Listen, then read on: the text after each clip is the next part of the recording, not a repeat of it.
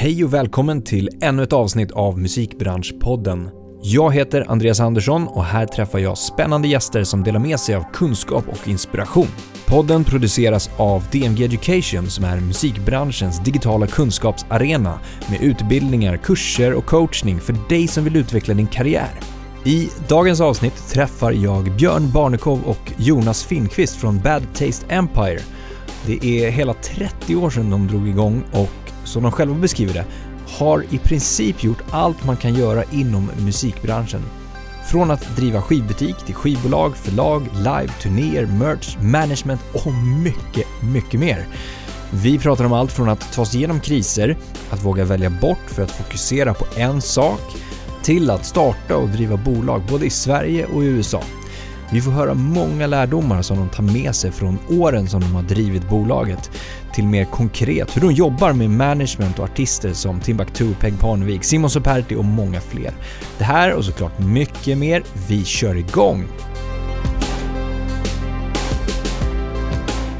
Välkomna till Musikbranschpodden, Björn och Jonas från Bad Taste Empire. Tackar. Tack så jättemycket. Är det Bad Taste Empire eller är det records eller publishing eller management? Vi pratade om det precis innan. Mm, alltså det är väl, Empire är väl samlingsnamnet egentligen? Ja. Yeah. Exakt, så att vi, vi samlade en gång i tiden när vi var väldigt mycket mer, när vi var skivbolag, bokningsbolag och så vidare, så hade vi och festivalarrangör så hade vi flera olika bolag. Det första och juridiskt sett så heter vi fortfarande Bad Taste Records i mm. Sverige. Det amerikanska bolaget heter Bad Taste Empire. Um, men på den tiden så hade vi ju skivbolaget var Batiste Records. Uh, när vi arrangerade spelningar så var vi Batiste Events. Uh, managementdelen hette OBA Management. Feeble Music var Sync. Så då hade vi rätt mycket olika bolagsnamn. Men Empire kändes passande, bara samla allt. Ja, exakt. Som, ja, men, nästan som en koncern. Ja, men alltså, det, och det, det som ibland så kan det låta lite fjantigt så här att man liksom så här Bad Taste Empire så här. Men det, det, det, kom ju av att vi hade massa olika namn för de olika Bad Taste Records var ju extremt förknippat till just så här, alltså vi kom ju ur liksom punkeran på 90-talet och skatepunk. Så att när vi liksom kom in i 2000-talet så började folk fortfarande så här, aha okej okay, men det är så skatepunk. Även om vi hade för länge sedan övergett det, liksom att börja jobba med liksom allt från liksom Svenska Akademin, Loop Troop, eh, Last Days of April som var liksom indie-rock, eh, så var det fortfarande så här skatepunk. Så att när vi då skulle göra, bland annat ge oss in lite så här förlag synk, så bara men då tar vi något annat för att inte liksom få den stämpeln. För att vi vill inte heller att folk som approach oss eller skär bort oss för att vi bara, ja men de, de var bara skatepunk. Mm. Uh, och det var väl samma i liksom, i, i liksom management-delen av ja. att liksom bara så här, liksom lite så här, vi är inte bara skatepunk. Även om liksom vi och de närmsta visste det så var det det som folk tänkte. Ja. Sen, jag vet inte när det var, var det sex år sedan, fem år sedan? Något sånt ja. Då hade det kändes som att det hade gått tillräckligt lång tid. Vi hade gjort tillräckligt mycket andra saker för att folk inte skulle associera oss med liksom, liksom bara skatepunk. Uh, så då var vi så, ja ah, men fan då bara tar vi bort alla namn, samlar allt under samma tak och sen liksom uh, För det var ju också lite olika företag, Battis Empire, Battis Records och så vidare. Men då bara kände vi att vi bara kör allt under samma tak. Vi satt ju ändå liksom tillsammans. Ja. Så att uh, det fanns ju ingen fysisk liksom uppdelning. Nej. Så, så därav så bara, okej okay, men vad samlar allting? Ja men Empire. Det blir lite så här. Plus då att det kändes som att oavsett hur många namn vi skapade så kallade alla oss Baptisten. Ja det var ju så också. Ja exakt. Jag tänkte det, det var så här, ja men man, man träffar någon och bara, ah men Safir Music bla bla. Ja men det är de i Bad Taste. Aha okej. Okay. Ja. Så då bara, okej okay, men då är det ju ingen mening. så, så i, början fanns det en tanke kring strukturen och sådär att, att men, ja, men vi ska grena ut och ha liksom ett namn per, ja. per verksamhet eller vad man kan säga också. Ja. Eh, men det blev för krångligt. Ja. ja. Mm. Men sen blev det ju också tyvärr, eller så här, nackdelen med det blev att när vi satt och jobbade synk, de som vi jobbade synk med speciellt i USA, hade ju ingen koll egentligen att vi var Bad Taste Records. De kände till oss som Feeble Music som det hette. Så ja. då blev det ju snarare tvärtom. Att när vi sen bytte tillbaka så fick man liksom säga, nej men det är vi. Det är samma människor. Det är bara det att vi har liksom bytt namn. Ja. Så att, uh... Är det krångligt? Ni nämnde det med eh, bolagsstruktur, att det amerikanska bolaget heter det, svenska bolaget heter det. Är det krångligt för er själva att... Uh... Ja, nu, är det ju, nu är det ju enkelt på så sätt att uh, juridiskt heter vi fortfarande Baptist Records här då och sen så heter vi Baptist Empire i USA. Men i och med att vi använder Empire här också så blir det ju bara att det är Baptist Empire vi heter och så finns det då bara ett annat juridiskt namn i Sverige. Ja. Så att nu känns allting väldigt, väldigt tydligt. Ja, men, och, och, och liksom bakgrunden, jag tänker så här, hur, hur företaget eh, rent liksom skattemässigt och sådana saker, alltså är, är det krångligt när man jobbar svenskt bolag och internationellt bolag? Mm, det kan vara. Uh, vi har ju haft kontor i uh, Berlin och Madrid också till exempel. Inom EU är det inte så komplicerat och det var också mer så här independent contractors. Det var liksom inte folk som var anställda på det sättet utan de fakturerade en gång i månaden och startade ett kontor där nere. Men eh, allting man försöker göra i USA är extremt komplicerat på ett eller annat sätt. Ja. Eh, så våra, våra deklarationer, alltså våra tax returns, både om det är mina privata eller företagets, de är ju ungefär 100 sidor. Och, eh, då, och menar, vi har inte så mycket business där, det är liksom så här, det är Det är väldigt 40 simpel, ja, precis, det är väldigt simpel business i USA. Men det är ändå världens längsta deklaration. Mm. Ja. Och det var ju också så här, när vi skulle starta bolaget så fanns det också, jag vet inte hur många olika bolagsstrukturer man Nej. kunde göra. Bara det att sätta sig in i, okej men vilken är den vettigaste och den bästa för oss? ja. Mm. Hur kom Bara ni fram det till det tog då? skitlång tid. Vi hade ju, vi hade ju juridisk hjälp då. Ja. Eh, som Ja. också bara förklarade och la upp allting till oss liksom bara Detta är fördelen med detta, detta är fördelen med det här. Ja. Mm. Ehm, Men så så, är det, det var ju någon gång vi satt i ett möte där vi bara kom ut, det var bara så, vi satt med vår immigration attorney för att han hade då äh, skatteadvokater och allt möjligt på kontoret och det kändes som var 15 minut så kallade han in en ny som skulle förklara, men om det är om ni tänker på sikt att det här är det ni ska göra eller om ni vill använda det för att skaffa något så här, så här citizenship så kanske ni borde tänka så här och sen så vi gick ut och så tre timmar senare bara så, vi skiter i de här bolag. Alltså vi Ja, jag, min- det, var det, det var det första bolaget, det var det första gången vi bara fan vi kanske ska dra igång för att då hade vi ganska mycket verksamhet där och vi tänkte också att men då kan vi dra nytta av just den här hela immigrationsbiten som är rätt krånglig om man ska vara där över och jobba mycket. Tänkte att då skulle underlätta men då kom vi bara ut därifrån och bara okej vi bara skiter i detta nu för att vi, alltså, vi, vi har inte tid att ens sätta oss in i allting liksom. Nej. Eh, men sen så det var väl inte förrän typ fyra, fem år senare vi tog upp det igen. Nej, exakt. Eh, och kände att vi hade tid att fundera igenom det. Mm. Eh, men det var, det, det, just USA, det är allting, allting är så jäkla omständigt. Ja. Det känns som att det är byggt på att man, alltså så här, man inte ska förstå och måste ta hjälp. Mm. Det har också varit IRS-grejer, alltså amerikanska skattemyndigheten, där, de, där vi har ringt till dem och frågat men hur ska vi göra här, hur ska vi se på detta? Bara, "Nej, jag vet inte, ni får prata med en, en, liksom, en attorney om det. Mm. Och då är vi så, okej men om inte ni vet, hur ska vi då liksom så här, Och då måste man ta in juridisk hjälp liksom. Som också kostar en jäkla massa. Så att det, det, alltså alltid den här känslan om att det är riggat där för att det bara liksom, det ska bara Det ska inte vara så tydligt. Folk ska, alltså Advokaterna tjänar ju fruktansvärt mycket på det här. Det Ja, ska ju ja, exakt. Men nu har ni en bra struktur. känns Nu det. har vi en bra ja. struktur. Ja, men det tycker så jag. vi är i alla fall ganska simpel. Liksom. Ja, Ja. men precis. Just nu så, så känns det bra. Men sen är det ju, vad heter det, jag har ju fortfarande så här eh, typ 10-11 tusen dollar som IRS jagar mig om från så här 2017. Där vi bara så här, det här var inte filat i tid. Bara så, jag tror det är två år som vi skickade in bara så, här är allting som filades. Här är så här kopior på liksom registrerat brev när det togs emot av er före deadline. Det är bara så. Men man kan inte prata om det. Så Ingen svarar och det är vår business manager som sköter detta. Han bara så, en gång ringde han mig bara så, jag har fått IRS på telefonen, kan du hoppa på nu? Jag har dem här nu bara så, det är första gången på flera månader jag får tag i dem. Jag bara så, ja nej jag kan hoppa på liksom. Ja. Men du vet när de som sitter med det här som sitt yrke inte kan prata med IRS, inte kan få några svar på ärenden där de jagar pengar. Det är liksom, det är ett helt omöjligt system egentligen. Men det är det som gör det så komplicerat. Precis som Jonas säger att det är strukturerat på ett sätt så att privatpersoner ska inte klara det. Om det är mer än att, att bara så skicka in någonting som, ja, men som verkligen är det mest basic. Men eh, för någon härifrån som jobbar eller startar företag, då är det, då är det automatiskt de här grejerna på, ja, men på 100 sidor plus. Mm. Eh, så att när jag fattade att, att jag var tvungen att faktiskt göra deklarationen själv. Det gjorde inte jag först för att jag tänkte att jag är där under antalet dagar, jag hade visum och sådana grejer. Men är man då, det finns en märklig formel. Antal dagar du var där föregående år plus en procent av dagarna året innan plus en procent av dagarna innan dess. Och sen helt plötsligt så är du citizen for tax purposes. Du har inga så här möjligheter eller, eller du får ju inga fördelar men du måste ändå så här betala skatt. Och då finns det en regel som säger att jag var aldrig så här skyldig någon skatt då för att jag kunde alltid claima närmare relation till Sverige men jag är fortfarande tvungen att skicka in tax returns.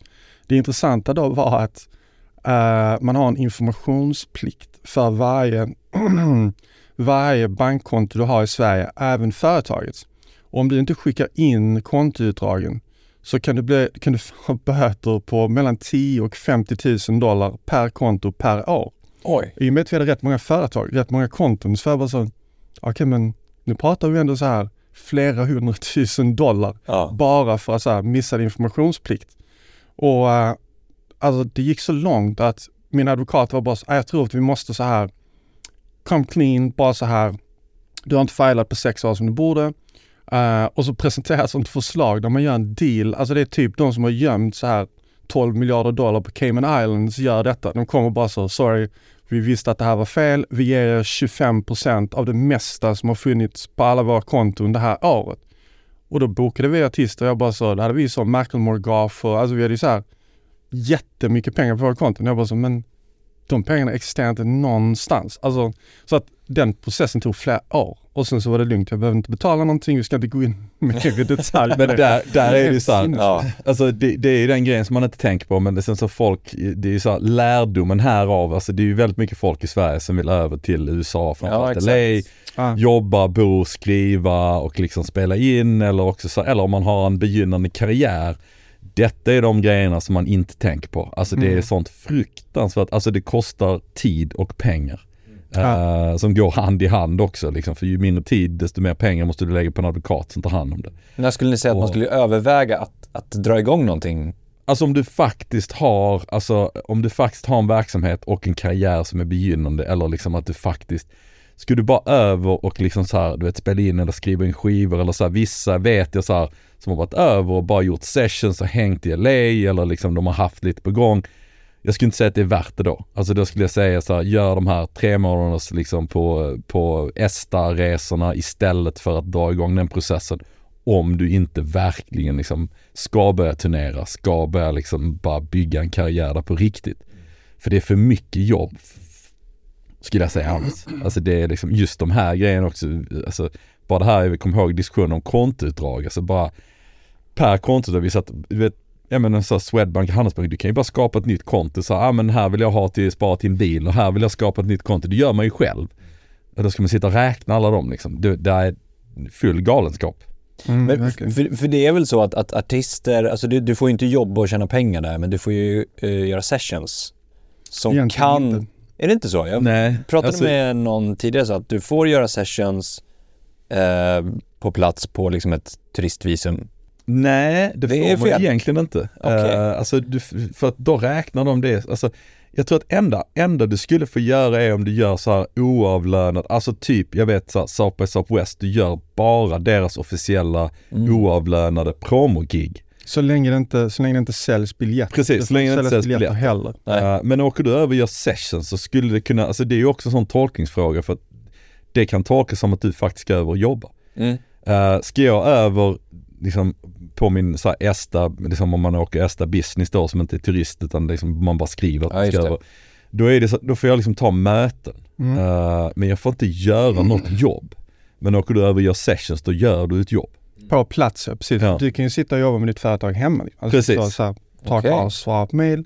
Men det var ju det som hände, det var ju Ken Ring. När han, han blev ju hemskickad för att han sa i immigrations att uh, ja, men han skulle över och jobba med, om det var D12 eller något sånt där, men han skulle Ja. över i alla fall jobba ehm, och göra sessions. Och de bara så, okej du ska inte jobba, bara så, här är, här är resan tillbaka till Sverige. Ja, men, eh, och det är, så det är ju, det är ju så de skiljer på det.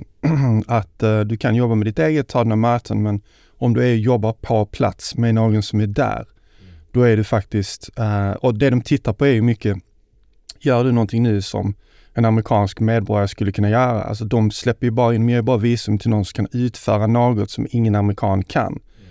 Och det är därför artister och sånt kan komma in. Och det är, men det är ju också därför vi måste visa att vi är på något sätt framstående i det vi gör. Eh, och eller kan ge eh, amerikanska medborgare möjligheter genom att komma till USA. Eh, så att vi tillför någonting till den amerikanska ekonomin och kulturen. Just det.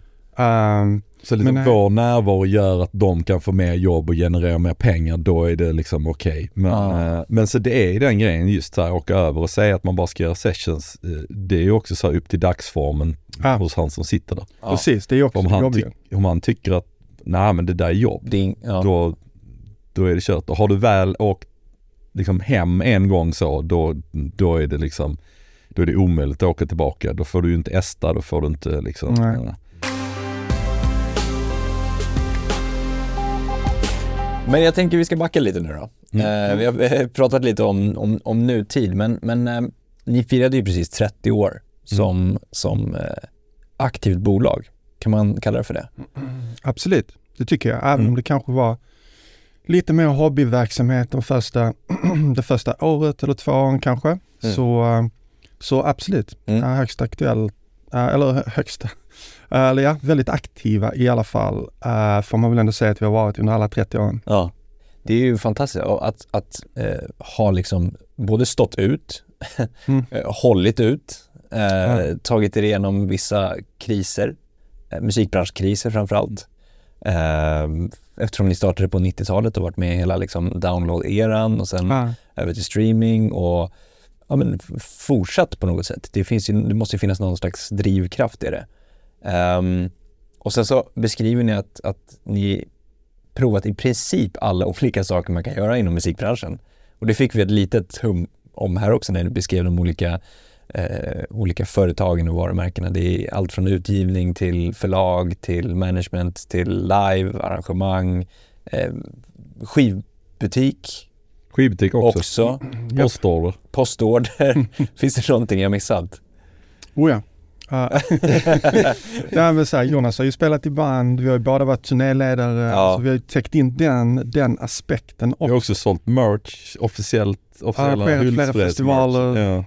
Uh, både i Sverige och i USA. Uh, så att ja, nej, men vi har täckt in ganska mycket. Jag har tänkt allt egentligen man kan göra då. Eh, i, I princip. I princip, jag Ja. tror det. Ja. Vi, vi pratar precis om det, nu har vi ju en artist som är med i, i Melodifestivalen och det är faktiskt första gången eh, som vi har det och jag sa det, vi, vi skojar om det för att vi har vi har faktiskt teamat upp med, med, med Warner där och det var också en av anledningarna var för att det är liksom så här, i allt det här du precis beskrev så har vi gjort saker, i varje fall liksom doppat tårna överallt. Men Melodifestivalen är bara ett stort svart hål. Mm. Så här, ingen koll, ingen liksom eh, Så att det är det, nu är vi där också. Så Ja. att, Så det blir liksom nästa utmaning på något Ja, sätt. precis, det, det kommer bli, ja men det blir lite så är det så att det är väldigt nytt. Mm, Eh, det är ju en helt egen värld. Det är som en helt egen värld, Mm, mm. nästan. Mm. Eh, eller jag skulle säga att det var nog kanske mer så innan. Nu har det blivit väldigt mycket liksom så här, det är ju väldigt mycket mer uppblandat. Eh, men, men där var väl liksom det sista jag kunde komma på som, det här har vi aldrig gjort. Nej. Men jag, jag känner ju att det är ju, och det går ju tillbaka till lite av det du pratar om, just vad som inspirerar och vad som gör att man orkar efter 30 år. Mm. Men det dyker ju upp, även om vi någonstans har varit inne i nästan alla områden, så dyker det ju upp saker som då Melodifestivalen här till exempel. Men det var ju också när du började jobba med Khalil eller Anansi, du var ju den första managementklient som, som började göra skådespeleri på en ganska hög nivå. I Snabba Cash var det ju Mm. framförallt, men även flera filmer och sådär. Uh, nu kommer ju, vi, kom, vi har inte annonsat detta fullt ut än, men det kommer också med Jason kommer göra en rätt så stor skådespelarroll snart. Uh, Peg Parnevik har börjat titta så här sakta men säkert på att börja göra mer skådespeleri. Vi har haft flera, flera artister som har skrivit böcker, uh, Sverige men också fått utgivningar i Norge, USA. Det var också helt nytt för oss när vi började på det. Uh, nu ska vi sätta upp uh, Jasons föreställning A Drop Midnight. Uh, vi ska ha en USA-turné av den, vilket också är någonting vi aldrig har gjort. Vi har knappt jobbat inom den, vi har aldrig jobbat inom den världen innan innan Jason satte upp sin föreställning och nu tittar vi på fler sådana projekt. Så att, så att det är ju någonstans det fina med management, att vi antingen följer dit artisten tar oss. Vill den skriva en bok, vill man skådespela, vill man göra någonting helt annat så, så är vi med på den resan. Eller såklart så kommer vi med någonting till bordet baserat på vad vi känner att nästa naturliga steg skulle vara. Och det kan vara utveckla tv-koncept eller vad som helst. Men det gör det spännande och det gör ju att, att ingen dag är densamma och inget arbete med en specifik artist heller är detsamma för att uh, det förändras precis som det gör för alla andra människor. Bara så här, en artist som är 20 och en artist som är 40 varierar ganska mycket hur man ser på synen och man vill strukturera tillvaron.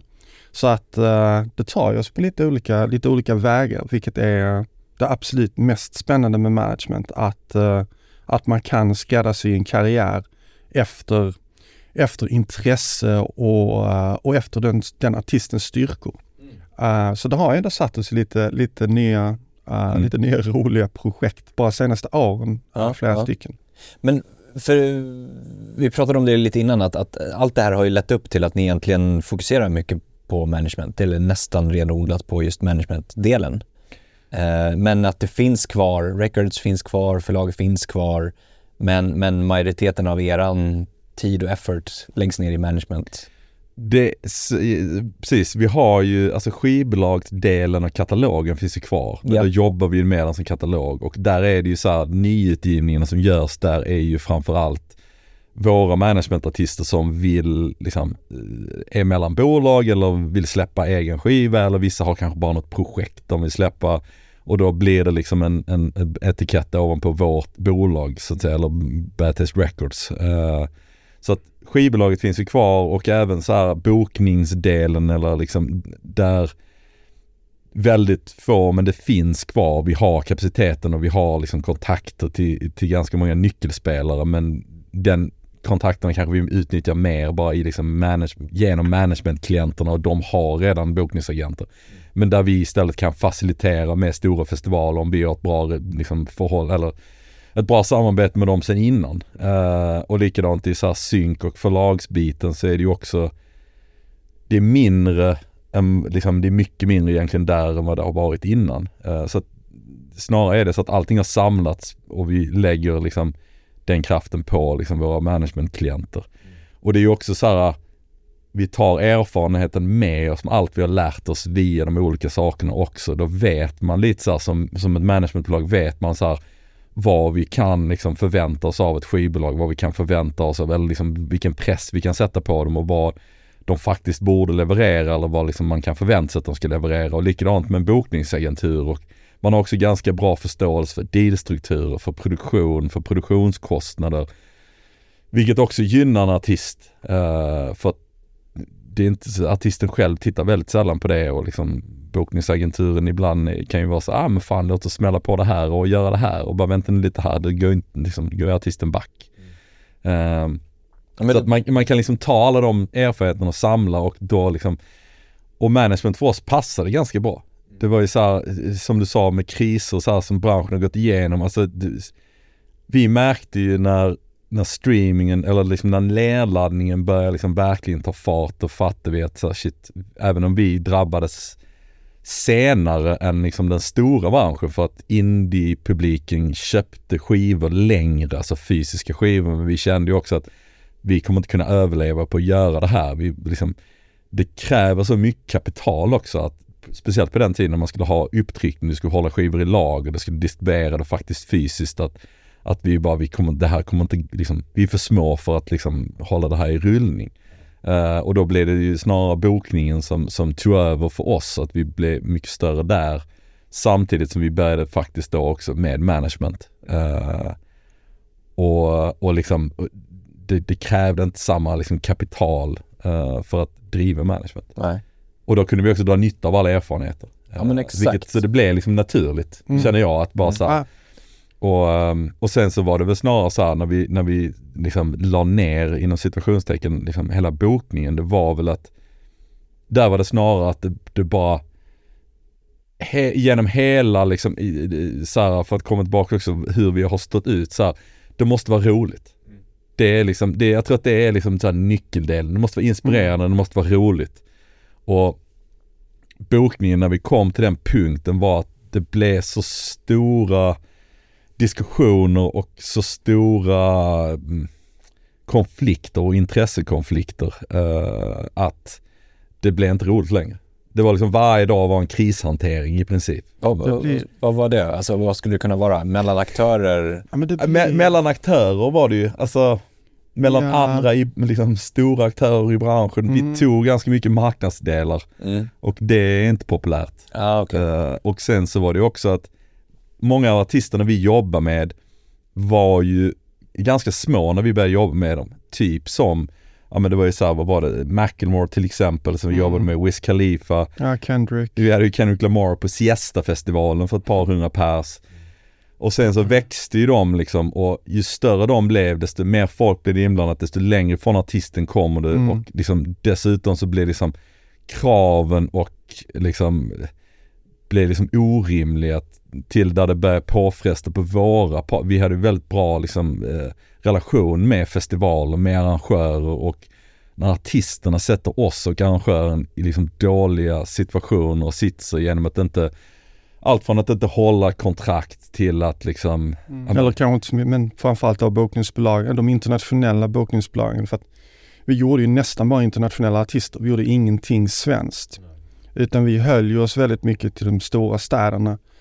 Och sen så gjorde vi kanske, ja men om Kendrick kom över, um, så gjorde vi Stockholm, Köpenhamn, Oslo och Helsingfors. Det var ju typ det vi gjorde. Så att det var nästan aldrig vi gick ut regionalt förutom då i, eh, i festivalerna.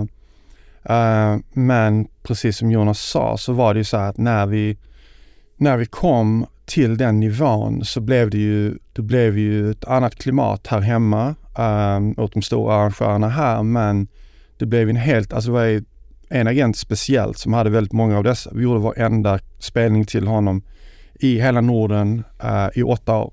Uh, så länge han var på Agency Group som han var på då. Uh, vilket var unheard of i den här branschen för att den går väldigt mycket ut på att som agent när man bokar en, en turné så att agent och promoter, en agent bokar en, en turné för Europa till exempel och sen så har man en promoter eller arrangör i varje land som, som går in och tar risken, arrangerar spelningen. Um, men att vi då fick mer eller mindre exklusivitet att göra alla hans konserter i Norden och alla hans festivaler i Norden, det görs i princip aldrig. Det diskuterades på ledningsnivå på Agency Group och sen på William Morris när han flyttade dit. Bara så varför jobbar du på det här sättet? För att det är inte så man gör. Man går till ett land, man pratar med alla arrangörer. Den som lämnar bäst bud och bäst plan för att bygga artisten. för får- stunden. Ja, för stunden. Mm.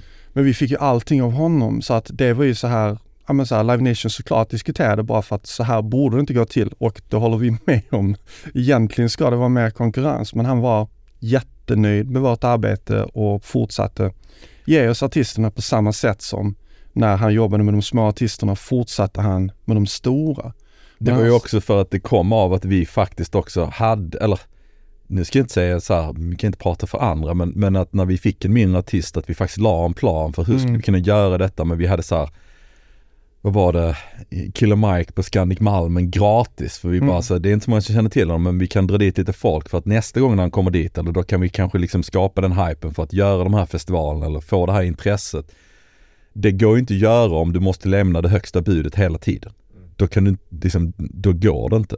Och det var ju en av anledningarna att vi faktiskt fortsatte jobba eh, på det sättet.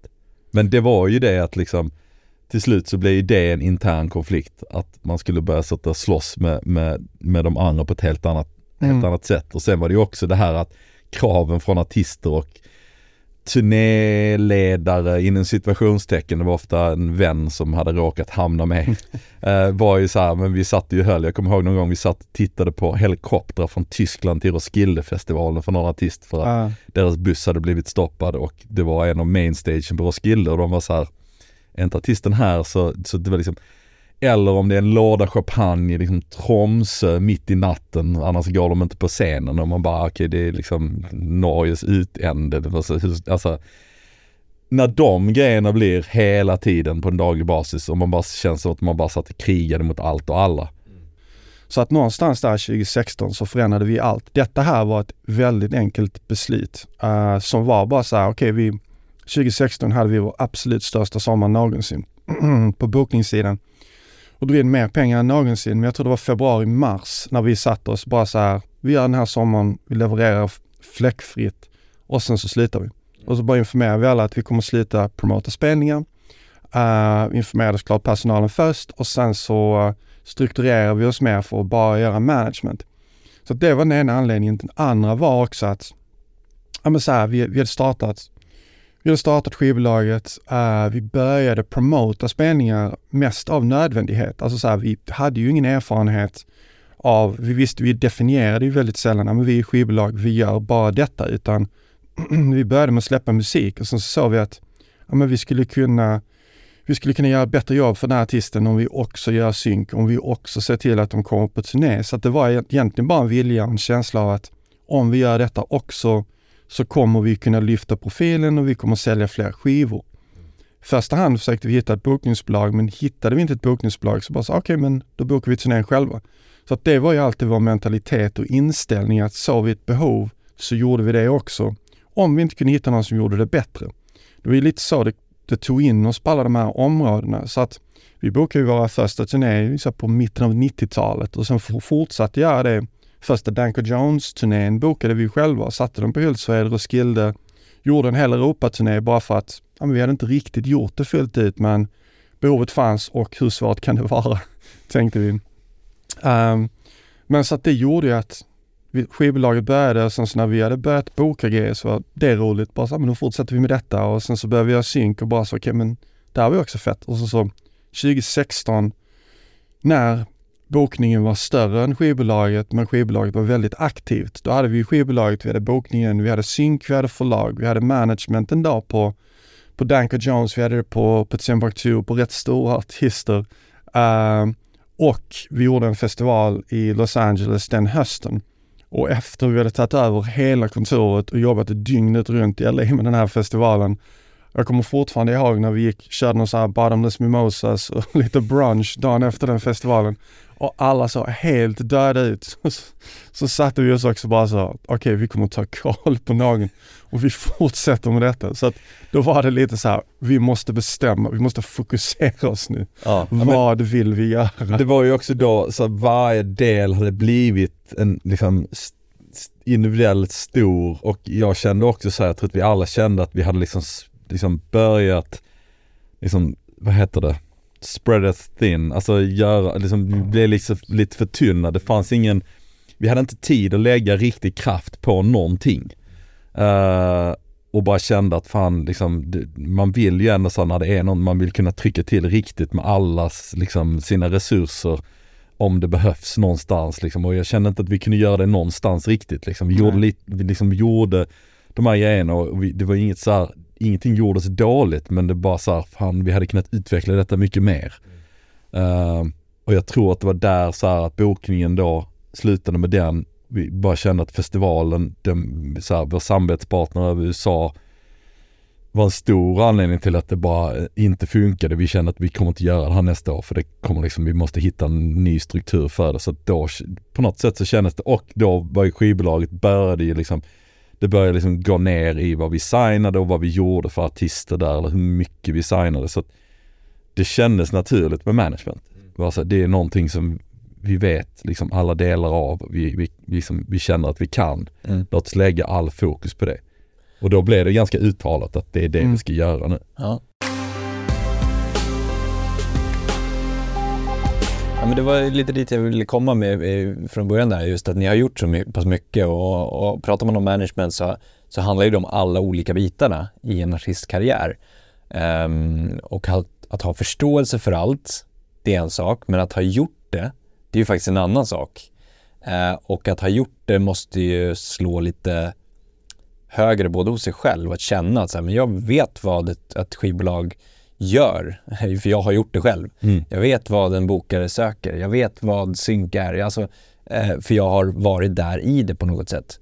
Um, men om går det att sammanfatta utifrån er erfarenhet, vad är de viktigaste beståndsdelarna i ett management enligt er? Alltså att, att kunna och genomföra för en artist. Jag, jag förstår att alla artister är såklart olika och och behöver olika hjälp beroende på vart man är i karriären. Men finns det några så här beståndsdelar som ni tar med er från de här eh, tidigare åren? Oj. Alltså, här är en stor fråga. Ja, Ja, det, jag så här, och det är, jag tror att det är mycket, alltså det du säger är så alla artister är så himla olika. Alltså alla artister har så jäkla olika behov, men en sak jag tror som, alltså så här, för det första, så här, alltså management, det, jag skulle säga så här, för att göra det bra så måste du ha en bra insikt i liksom branschen. Alltså du måste ha en insikt i vad de olika delarna är, annars måste du ta in hjälp. Alltså om du, du kan vara skit, alltså superskillad på liksom bokning eller superskillad på sociala medier. Men du måste ha koll på de andra bitarna också för att se hur det hänger ihop. Men alltså en grej som är genomgående är ju liksom struktur.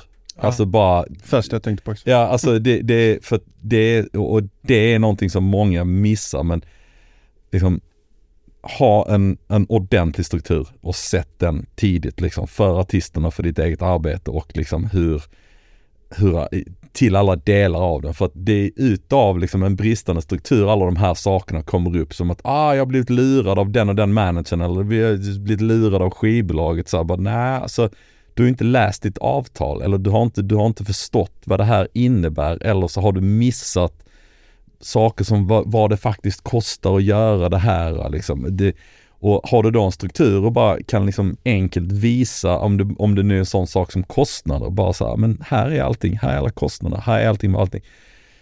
Då, då blir liksom, då får inte folk en känsla av att de är lurade eller att någonting är snett. Eh, likadant med avtal.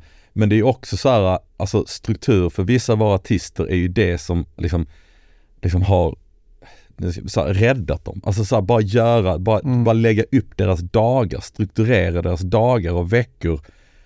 Liksom folk som är så här sönderstressade och mår skitdåligt och ofta kommer ju det av liksom att det är så här, inte alltid att det är för mycket att göra, men att det blir för rörigt och då känns det som att det hela tiden är tusen saker som måste göras. Mm. Ehm, så att, så det är liksom, det skulle jag säga är liksom det främsta.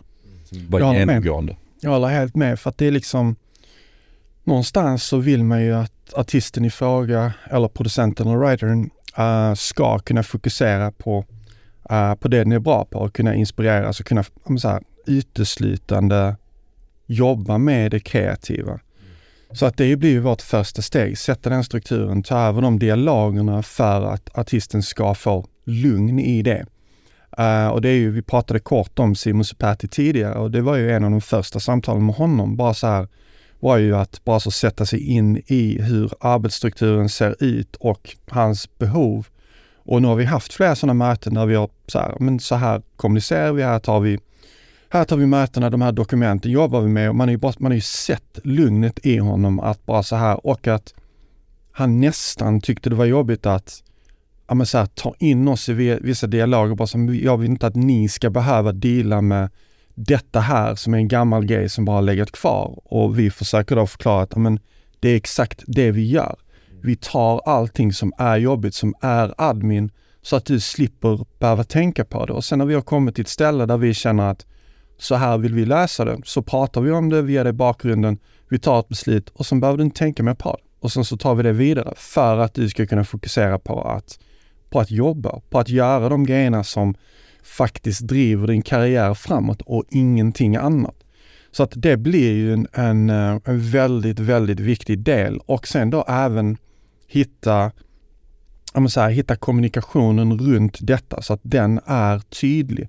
För att en grej som, som många artister inte heller förstår är ju att, ja men var, eller förstår ska jag inte säga, det är kanske fel, men inte nödvändigtvis tänker på alltid, är ju att vår tid är begränsad och om vi måste fråga tio gånger för att få svar på någonting så är det tid som tas från att faktiskt proaktivt gå ut och jobba för den artisten. Och det skapar frustration hos oss, det ska skapa frustration hos alla partners. Så att är det ett stort skivbolag till exempel som väntar på ett svar och, och de är, liksom, eller det kan vara flera skivbolag inblandade och flera kontor inblandade. Så det finns en kedja av kommunikation där ett enkelt, enkelt svar liksom gör att vi kan inte lämna det, men vi måste fortfarande ha en dialog med skivbolaget som i sin tur måste ha dialog med ett annat kontor. Helt plötsligt är det så här 12 pers inblandade för att få ett svar som vi inte får. Och det blir liksom, det kan gå så många timmar för så många personer bara baserat på ett uteblivet svar från en artist. Och det är liksom, den, den insikten är så viktig för att vi ska kunna utföra ett jobb så måste strukturen finnas. Kommunikationen måste fungera. Gör den det och vi verkligen kan sitta, vi kan definiera en plan tillsammans och vara helt överens om att okej, okay, men detta här är vad vi vill uppnå kortsiktigt. Detta här är just nu vad vi känner långsiktigt. Det kan förändras till imorgon och det är inga konstigheter, men dialogen måste finnas, strukturen måste sitta för att då kan alla vi göra ett optimalt jobb. Um, och också det här att aldrig vara rädd för att komma med någonting till oss. Att vi ska vara en så nära partner. Och det är ju, det var svårt för Simon som vi precis pratade om i början, att kunna lägga över grejer för att han nästan hade dåligt samvete för att låta oss dela med saker som, som han känner borde vara löst innan han kom till oss. Och det var samma Timbuktu i början, bara så här att jag måste, jag måste bara förstå att jag kan lämna de här grejerna till er. Och jag bara så, ja, nej, men bara så här, lämna allting till oss i början. Även om det är en jättenära vän som ringer dig, låt oss ta det bara så att du kommer in i det. Och sen som du vill driva vissa, vissa dialoger, noll problem såklart. Allting i slutändan är ju artistens beslut. Vi ska bara finnas där för att underlätta och, och guida till och, och sen så tio år in som det är med, med Jason nu, så är det ju i de flesta sammanhang väldigt lätt att se vad han vill och inte vill eller kan och inte kan göra.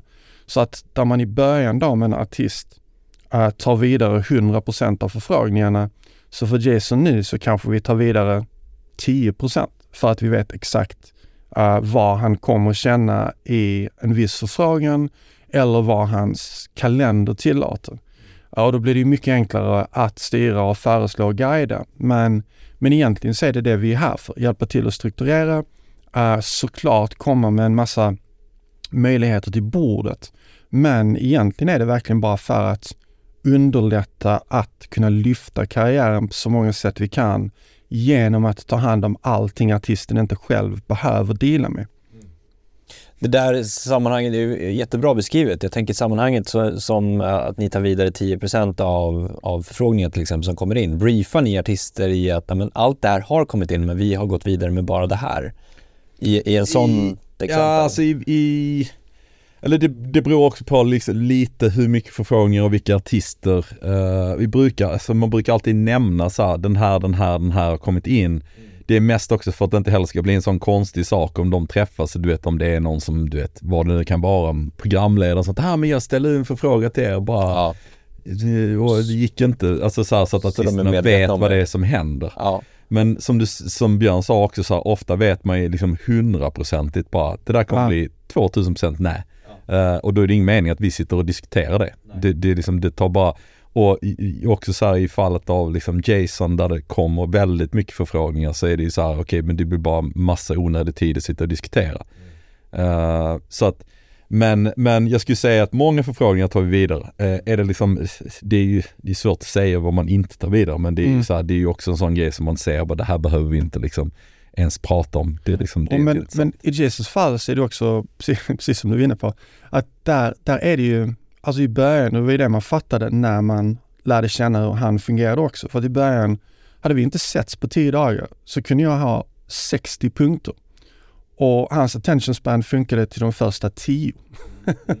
Och det var inget konstigt för att ofta så sågs vi i anslutning till en spelning och det var en massa andra grejer som, som behövde ske eller i anslutning till att han jobbade med någonting. Och då, då var tiden så begränsad, då var vi tvungna att ta alla punkter, för jag visste ju inte. Men det är också så här att i, med en sån, sån artist som får så mycket förfrågningar så var det ju i början också så här att han tackade ja till, för att han är väldigt, han är väldigt positiv, väldigt optimistisk, vill, vill väldigt, väldigt gärna göra det mesta som läggs framför honom. Så att i början så bokade vi in allt det han sa ja till. Jag bara sa, ja, nej det finns en lucka i, i kalendern och sen så två veckor senare bara så, alltså den här veckan, jag har typ tio minuter ledigt. Jag bara så, ja men vi satt ju och kollade på det, jo men det är omöjligt att göra. Jag bara så, ja det har du ju rätt i. Alltså så här, nej, och det, det kommer ju tillbaka till det här med att guida så att ja. många gånger sitter vi och han, han bara så men det här, det här känns eh, sjukt roligt. Mm, mm. Och jag bara så, uh, och det ser ut som att det finns utrymme i kalendern och bara så, ja det gör det. Men nu är det så här, de här förfrågningarna kommer komma nästa vecka. Det ligger ett bud inne på detta och detta som vi troligtvis kommer göra så att den, även om detta känns lugnt för att det är sex månader fram. De flesta artister känner också att allting som är sex månader fram, då finns det hur mycket tid som helst. Men du vet, det är det bara så, fast då kommer så här, det är direkt efter en festivalsommar, du kommer vilja åka på semester då, detta och detta här kommer komma så här, det kommer komma upp som en konversation. Bara så här, man måste bara presentera en helhetsbild och väldigt ofta, jag skulle säga 95 fall av 100 med Jason till exempel, så är det bara så, ja men du har rätt, vi borde inte göra det för att det är liksom, det, det är mycket det som kommer in också, att kunna förutse vad som kommer ske i den perioden. Även om kalendern ser relativt tom ut. Och presentera den helhetsbilden och när det kommer upp för mycket förfrågningar så är det vissa saker som man vet, man vet på förhand uh, i väldigt många fall uh, att det inte kommer vara aktuellt. Många fall nämns det bara så, bara heads up, jag har tackat nej till de här grejerna. Uh, och men i vissa fall så, så gör jag inte det längre för att, för att jag, alltså, men då är det verkligen jag vet med 100% säkerhet att han är bortrest, att det är en konflikt med något. Uh, eller att vi har tackat nej till exakt samma grej tidigare. Eh, finns det en liten, liten, liten chans att han skulle vilja göra något, så självklart, eller kunna göra något, så kommer vi såklart alltid ställa, att ställa frågan. Men, uh, men det är ju periodvis uh, så är det, det, det är så begränsat med tid märkligt nog som man ändå har för att gå igenom. För det är vissa grejer som verkligen kräver timmar av genomgång, budgetering, planering um, och då måste man lite fokusera på det och de grejer som man vet, det här kommer inte vara aktuellt. Mm. För att det blir det, tar man upp för många sådana så slutar artisten nästan lyssna för att Det är ju liksom hundraprocentigt, man, man måste ibland så strukturera det man vill ha liksom få igenom. Alltså just av liksom att så här, attention spanen är inte alltid där. Det är inte heller det artisterna, liksom, det, det är liksom, eller många artister, det är inte det, det är inte deras styrka. Alltså deras styrka är liksom, eller om det är producent eller låtskrivare, man, liksom, deras styrka är att vara i studion. Liksom. Deras styrka är inte ekonomi. Alltså det, det, man får liksom lite såhär sålla i det också och tänka efter när man liksom mm. skriver information eller skriver så detta måste vi göra idag eller de här grejerna måste vi gå igenom. Alltså att man liksom så lägger upp det på liksom ett sätt. Och där är ju alla artister olika men, men mm. liksom just den grejen är att så här, väldigt tydlig och väldigt liksom det låter supertråkigt när man säger vad är nyckeln bakom management, struktur. Men det är liksom, det är ju en av nycklarna. Mm. Det, och sen är det ju också som, som Björn var inne på, det som nu är det ingen hemlighet så här, men det är ju också så här, respektera artisters liksom off-tid eller semester. Ja. Alltså så här, den, där vet vi också, vi har jobbat med så pass mycket artister också med andra liksom management eller andra parter i saker där liksom vi faktiskt också gått in och bara vi kan inte lägga någonting där. Ja men den här förfrågan kom in, det kanske vi ska göra. Bara, nej, för det är avsatt till semester. Vi måste respektera det. Alltså den biten att, att artisterna kan få de luckorna att andas eller liksom så här, och man fattar ju när det är så, speciellt om det är en artist på uppgång och det börjar hända jävligt mycket och det är jävligt mycket förfrågningar så måste man fortfarande ibland bara ta ett steg tillbaka och bara Även om man bara säger okej okay, det här är jävligt mycket pengar eller det är väldigt, det skulle vara en extremt bra kommission för oss. Så ibland så måste man bara okej okay, men vi, vi måste se det här i liksom ett längre, ett större perspektiv och inte mm. bara den här året eller den här sommaren. Mm. Uh, och i Jasons fall var det ju väldigt mycket så, bara kom in och sa nej. För ja, att det, det, var så mycket som låg på bordet. Mm. Och man såg att han inte, det var liksom inget bra, eller det var inget han bra. Inte bra. Nej, han mådde bara andas, alltså bara så se vad som sker. Och jag kommer ihåg ett, ett första gången vi hade det samtalet uh, och det var väldigt länge sedan nu, vi har haft det flera gånger sedan dess. När jag bara sa, okej okay, men nu gör vi allting reaktivt. Alltså vi tittar bara på förfrågningar som kommer in. Vilket innebär att vi, vi kan fylla upp ditt schema i oändlighet. Jag ska inte säga för att det är väldigt privilegierat för oss alla att kunna få de förfrågningarna och det är vi extremt tacksamma för. Men vi fyllde schemat med grejer som var baserat på förfrågningar. Jag bara så, vi måste stanna upp och titta på vad vill du mest av allt göra? Varje förfrågan som kommer in måste ställas i relation till vad vill du mest göra? Vad är viktigast för din karriär? Sen sätter vi de planerna och därefter kan vi fylla i luckorna med annat som kommer in. Men det tar ju en stund innan man kan börja jobba så. Man måste först se vad som kommer in och måste se vad han faktiskt vill och sen efter det kan man börja guida lite. Men när vi gjorde den switchen så har det ju varit mycket mer, då har han känt mycket mer att han har kontroll över karriär och liv. För att då är det vi som lägger planerna. Innan dess var det ju andra som mer eller mindre såklart de hade ingen aning om att det var så, men sättet vi jobbade var ju mer så att, att det som kom in uh, var ju det som... Det är det som styr agendan lite då. Precis, exakt. Så att det gjorde ju en väldigt, väldigt stor skillnad.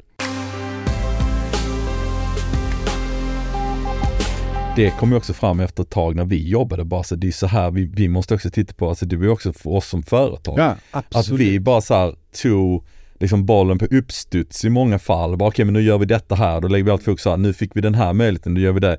Istället för att säga, vänta nu, vad vill vi göra? Vad vill vi, liksom, vad vill vi med vårt företag? Vad vill vi göra? Och vi, det, det tog ju rätt många år innan vi kom till den insikten och en av de Mm. stora där var ju det har väl varit några sådana genomslag genom tiden, liksom hur ska vi göra eller vad gör vi nu? Men det var ju ändå för ett par år sedan bara också, men om vi bara slänger alla kort på borden eller bara så här, nu bara gör vi en clean slate.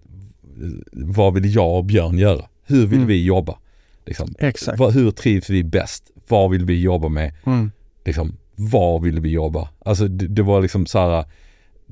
Jag tror att det var, vad var det, tre år sedan, två år sedan. Där vi hade en sån bara så här, Uh, Åkte ut i öknen. Åkte ut i öknen. Åkte öknen är oftast vår go-to.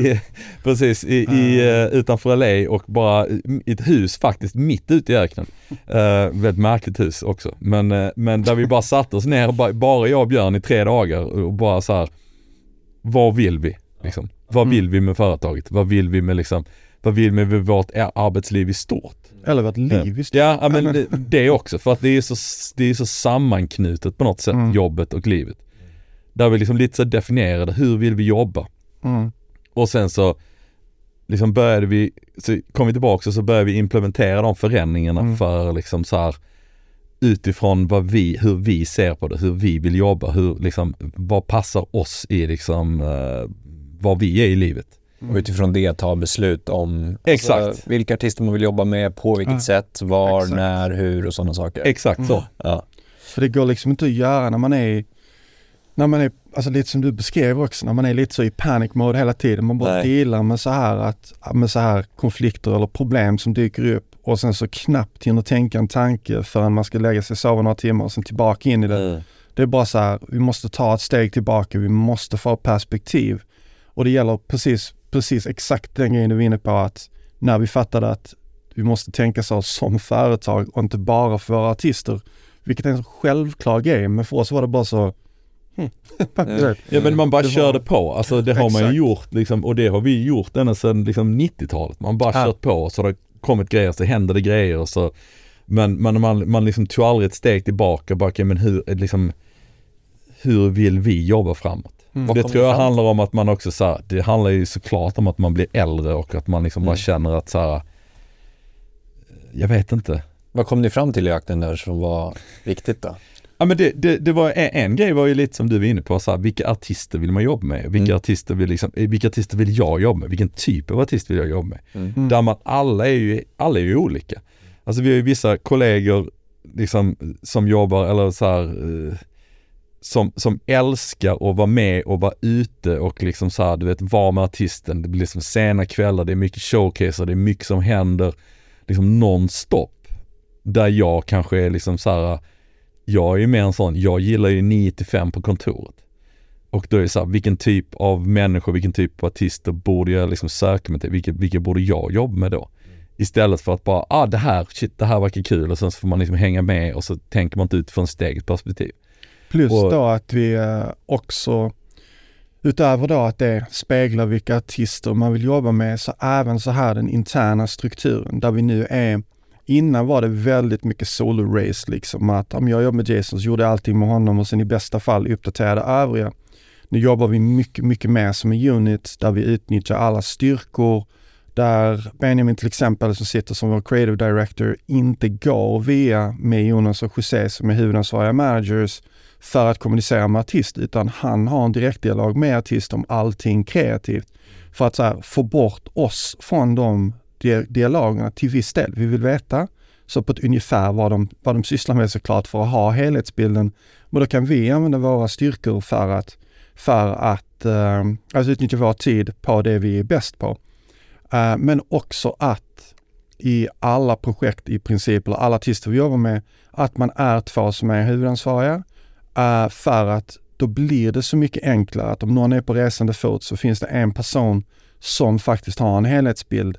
Eller att man faktiskt kan ta semester en sommar. Man vet att det är någon som, som är ansvarig som har ett, så här, en helhetsbild i det fallet också. Det underlättar något enormt att kunna bolla idéer med någon som förstår, både för mig, för artisten. Alltså det var bara så många, många enkla beslut som för mig har gjort livet så sjukt mycket enklare. Både så här, ja, rent så här mentalt att kunna ha samtal internt med någon som är insatt att det finns flera nu inom kontoret som, som tar dialog om områden som de kan mycket bättre. Eh, där jag inte behöver sitta på alla de mötena utan kan få en uppdatering ett par gånger i veckan. Bara sådana enkla medel har gjort arbetet så sjukt mycket mer harmoniskt och så mycket, mycket mer effektivt. Så att det var ju så här, det var ju några av sakerna, men jag tror att bara att som kom från den här ökenresan då var ju dels hur vi jobbar med artister, dels hur vi jobbar internt, men också så här för att efter alla de här åren, och det har vi i och för sig gjort, men det blev så mycket tydligare när vi satt oss och gjorde det, alltså mer eller mindre, det var ju mer bildligt att vi la ett blankt papper, men lite så här att vi måste tänka bort allt. Om vi börjar med det och mig, liksom, vad vill vi i livet? Vad vill vi vara liksom? Vad är det som betyder någonting för oss och hur ser vi det så här på sikt? Låt oss börja där och sen så i steg två ta det till företaget, steg tre till artisterna för att ja men så här, precis som när vi pratar om artister, mår artisterna bra och är inspirerade så kommer de leverera, äh, leverera så bra de någonsin kan kreativt och konstnärligt och så vill ju vi också känna. Om vi mår så bra som möjligt i livet så kommer vi leverera på bästa möjliga sätt för artisterna. Och därför kände vi att det är där vi måste börja efter alla de här åren bara så här. Och sen så, så efter det så, visst det har, det har ju tagit lång tid att implementera vissa grejer och det är också någonting som aldrig kommer att slita. Vi måste hela tiden ha det här pers perspektivet, fortsätta den här dialogen för att hela tiden känna att vi är på ett bra ställe och faktiskt kan leverera på en, från vår bästa möjliga förmåga för artisterna. Men jag tror att, jag tror att det, det stora också som kom ut av det var just det att vi, vi kan liksom nu så här kritiskt titta på sådana saker eller ja. bara så här, borde vi göra detta? Liksom, orkar vi med detta? Alltså, mm. och de frågorna var aldrig, liksom, det ställdes aldrig innan. Man bara körde och bara, klart vi måste göra detta. Mm. Utan så här, du vet, kan vi, kan vi ta på oss en artist till som, på den här storleken? kan vi göra det liksom? Orkar vi det? Mm. Och där vi också så här, där liksom mer, och jag tror att det liksom inte är några konstigheter bara, nej, alltså inte nu, eller det går inte. Liksom. Alltså så att man kunde, det var så naturligt att man bara sa detta funkar inte eller detta måste vi förändra. Alltså ja. jag tror att det har blivit mycket mer öppet och det är mycket mer öppet inom hela vårt företag också. Alltså mm. så det är inte bara vi utan det är så här, vi försöker liksom så få folk att bara så verkligen säga och bara lyfta saker som de tycker är liksom så här, detta går inte eller detta är jobbigt eller så här. Mm. Um, Tror ni att ni hade kom, kunnat eh, komma till de insikterna för 15 år sedan, 20 år sedan? Eller är det erfarenheten som har alltså, på något sätt lett upp till att eh, vå, alltså våga ta ett sånt beslut också? Okej, okay, nu jag börjar tror, vi från noll, vad är viktigt för oss? Jag tror inte vi hade, dels hade man nog inte vågat, eller så här, man var så jävla peppad på att det hände saker, man var så jävla upp ja. i det. Mm. För liksom 15 år sedan, att man hade inte jag tror inte man hade stannat upp på det sättet. Sen tror jag inte heller man hade vågat ifrågasätta allting för att det bara Nej. rullade på och bara du vet bara stanna allting och säga borde vi verkligen göra det här? Mm. Liksom, är detta mm. kul? Eller kul var det nog, mm. kul var det ju.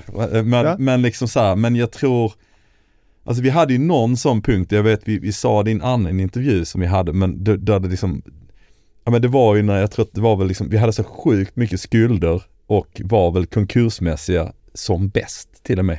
Uh, där, vi, där vi liksom så här, och det kan man ju skämta om, men där vi liksom man skakade toner för tionde gång för att vi kunde inte ens köpa nog toner till skrivaren. Där man hade fortfarande väldigt mycket papper. Ja. Uh, där vi också var ute så här, ute, finns i Skåne eller i, liksom utanför Lund, ett sånt stenbrott man kan simma omkring i.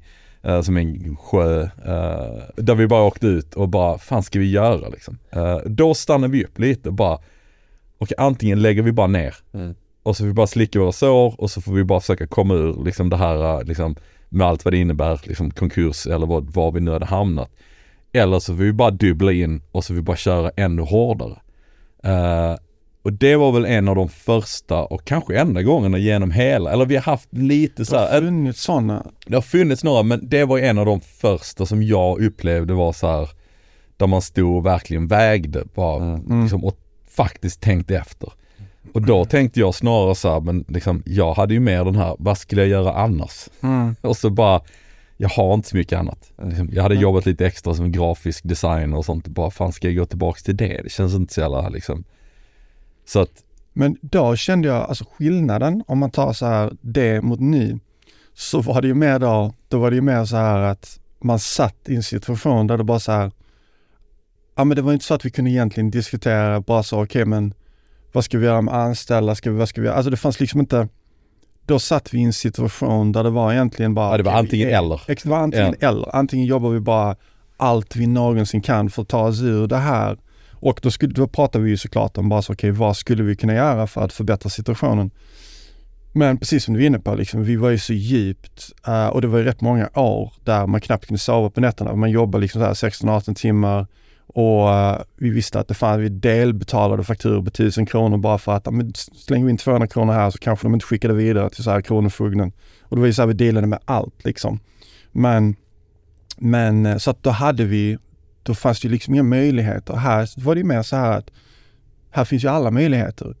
Och det är någonstans som, som gjort, tror jag, för min del personligen, jag ska inte prata för det där, men jag tror att vi är väldigt i synk. Det är ju också så här att vi har funnits i 30 år Um, och den insikten och det sköna när man har gjort någonting så här länge och gissningsvis också att man har kommit så här långt i livet så är det just det perspektivet av att, ja men så här, nu vill vi såklart inte lägga ner och vi, vi, vi fokuserar mycket tid nu på att det här ska vara roligt, det här ska vara inspirerande, vi ska jobba med artister som är inspirerade och som inspirerar oss tillbaka och, eh, och utmana oss själva hela tiden för att det här ska vara Återigen, liksom, det ska vara roligt men det måste också finnas en viss harmoni. Man kan inte köra de här 16 timmars dagarna där man är i så här panic mode varje gång man går och lägger sig som vi har gjort i jätte, jättemånga år.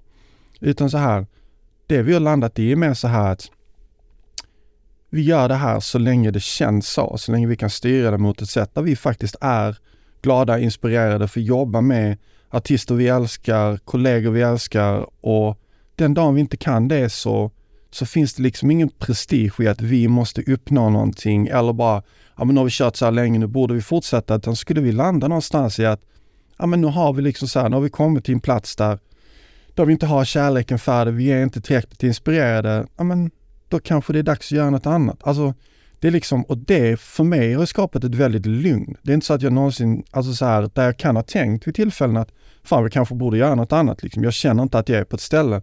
Nu känner jag mig otroligt peppad, otroligt inspirerad, så sjukt tillfreds med det vi gör och artisterna vi jobbar med och mycket av det har kommit ur de här samtalen. Men Mm. det tror jag handlar om en sån mognadsprocess också. Att Absolut. man, att man känner så här, just den här grejen att man känner att så här, ja men man har ändå uppnått så pass mycket. Jag har Mm. ingen prestige i att Precis. liksom, det fanns en tid när jag kände att man hade så här prestige och också så här, vi jobbade liksom så här, man var liksom, liksom punkbolaget i situationstecken och man var liksom en underdog och man kände hela tiden att man skulle bevisa någonting. Mm. Jag ska bara göra Liksom. det och det Precis, och det. göra det och tänk Ja. om vi kommer hit här och nu ska vi ha en artist på Roskilde, sen har vi en Ja. artist på Roskilde, nu ska vi ha en artist på Mainstage Roskilde så hade man det. Alltså Mm. att liksom så här där man jagade de sakerna hela tiden.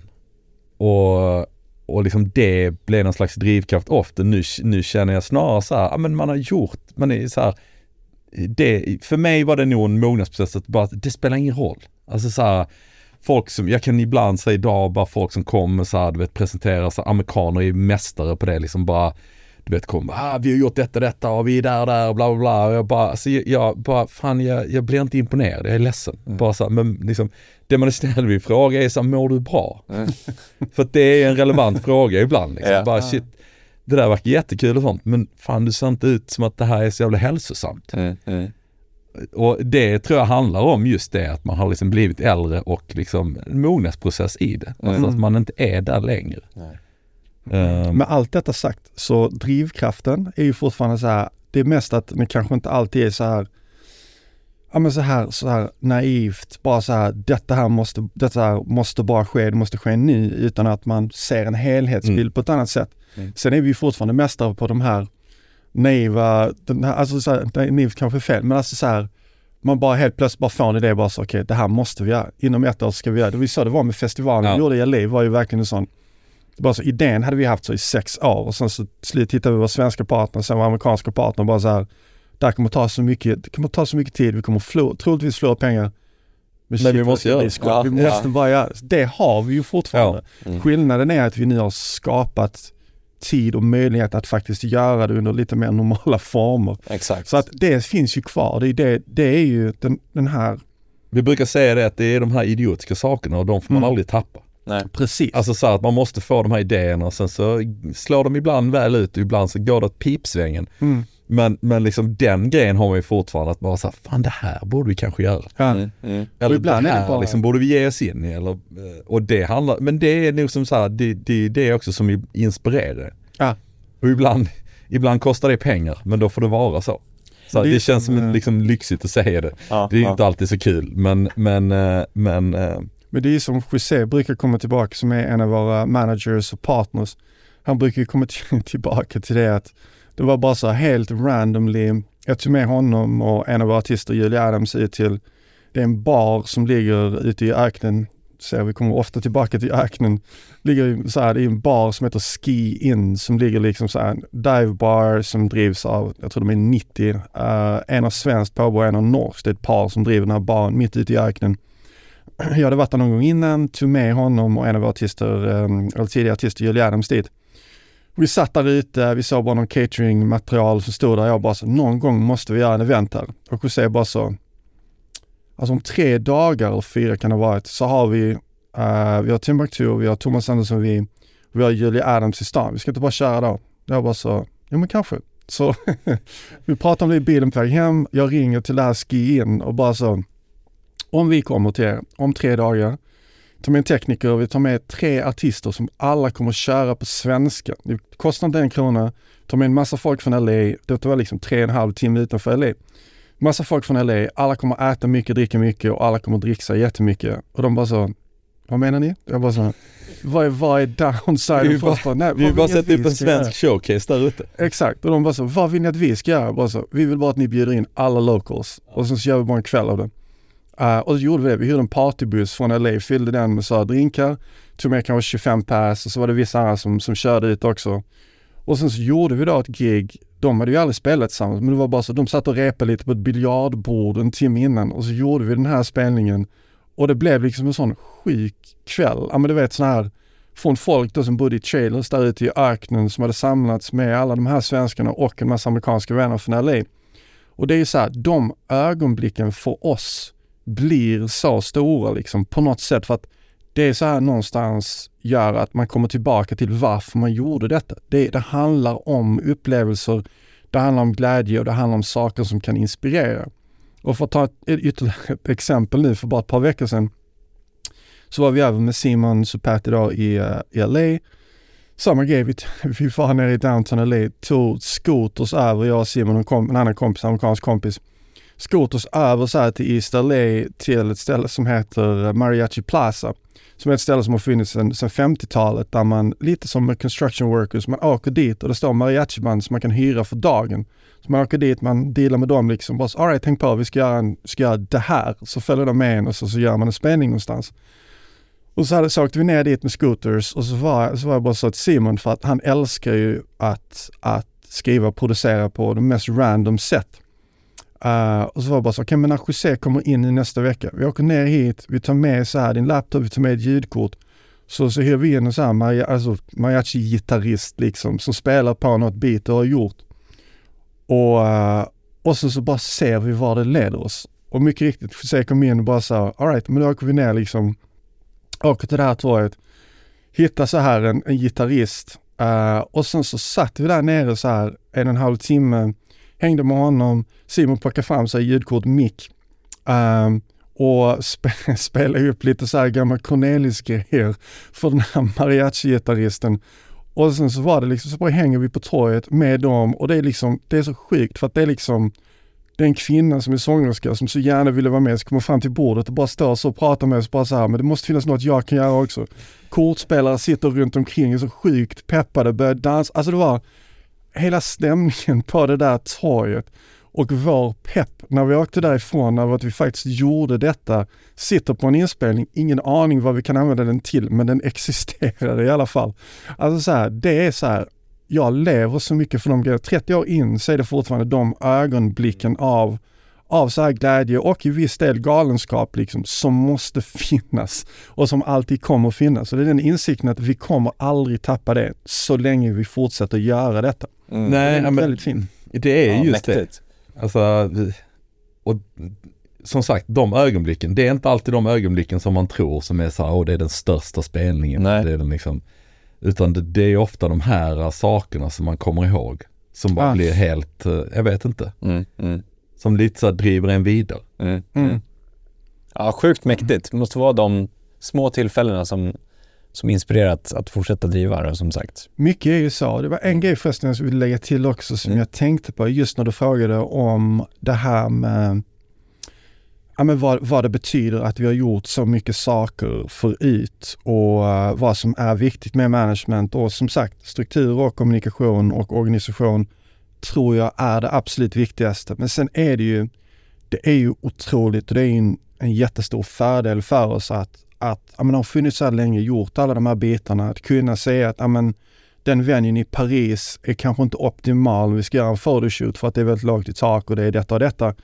Eller att så här, um, bara så, vi skulle verkligen behöva få in ett band på Hurricane och Southside som är de största festivalerna i Tyskland och, eh, och vad heter det, uh, vi, har en, vi har en otrolig agent som jobbar på det och det är liksom så här, det, det är fantastiskt men då kan vi också lyfta telefonen för att uh, Stefan då på Scorpio som är deras co-CEO globalt uh, och deras huvudansvarig för alla deras festivaler är en vän till oss sedan tio år innan han ens började jobba på Scorp- Scorpio. Så vi kan ta det callet och bara så här, Stefan bara så här, detta här är liksom allt som sker just nu för artisten. Vi har jobbat tillsammans alla de här åren på att bygga. Detta här är liksom så här sättet vi tänker i Tyskland liksom. Och det är ju såklart samtal som vår agent har också. Men för att det finns en vänskapsrelation och en tillit så kan man ta det samtalet och, och faktiskt föra den dialogen för artistens talan. Det innebär aldrig att vi vill exkludera en agent för att de gör ett, de gör ett otroligt jobb som vi aldrig hade kunnat eh, eller hunnit göra. Men man kan ta det nyckelsamtalet med den music supervisorn, med den arrangören, med den personen. Man kan gå till en, um, en corporate partner och presentera ett koncept. Sen är det fortfarande så här för vår agent eller så här bokare som, som gör dealen. Men vi kan sätta ett koncept i huvudet på den personen och det är så vi vill jobba. Det är så vi vill kreativt jobba med våra artister för att ta saker till bordet. Eller kunna trycka igenom någonting som är väldigt viktigt i ett specifikt tillfälle i, i karriären. Det är ju det. Där betyder det jättemycket allting vi har gjort. Och, och det är ju också så att man har ju genom alla år byggt ett förtroendekapital hos Exakt. samarbetspartners. Att de vet så här, okej men om de kommer, liksom, om det är så att vi, vi kommer till Roskilde bara den här artisten kommer det hända mycket saker med. Ah. Liksom, och Anders då som, som var huvudbokare innan, liksom, han, vi har känt honom så pass länge, vi har varit igenom så mycket med honom att han, om vi säger, alltså då vet han så här, okej men jag litar på er. Än att man bara kommer direkt, bara "Det här- den här artisten kommer bli den största någonsin och så kommer du så varje gång. Ah. Att, att liksom så här, det är det kapitalet som man har liksom byggt upp genom alla år. Att bara så här, jag, jag tänker inte stå och säga att alla, alltså, folk runt oss vet. Men det tar ju tid att bygga som du sa. Det tar det går ju inte att bygga Och- på tre år, fem Nej, år. alltså, det behövs och- ju och- tid. Det, det är ju, och det är ju det liksom, det är ju en fördel. Men det är ju också, känns som att det är någonting som man har liksom jobbat upp och förtjänat sig av på något Mm. sätt. Mm. Eh,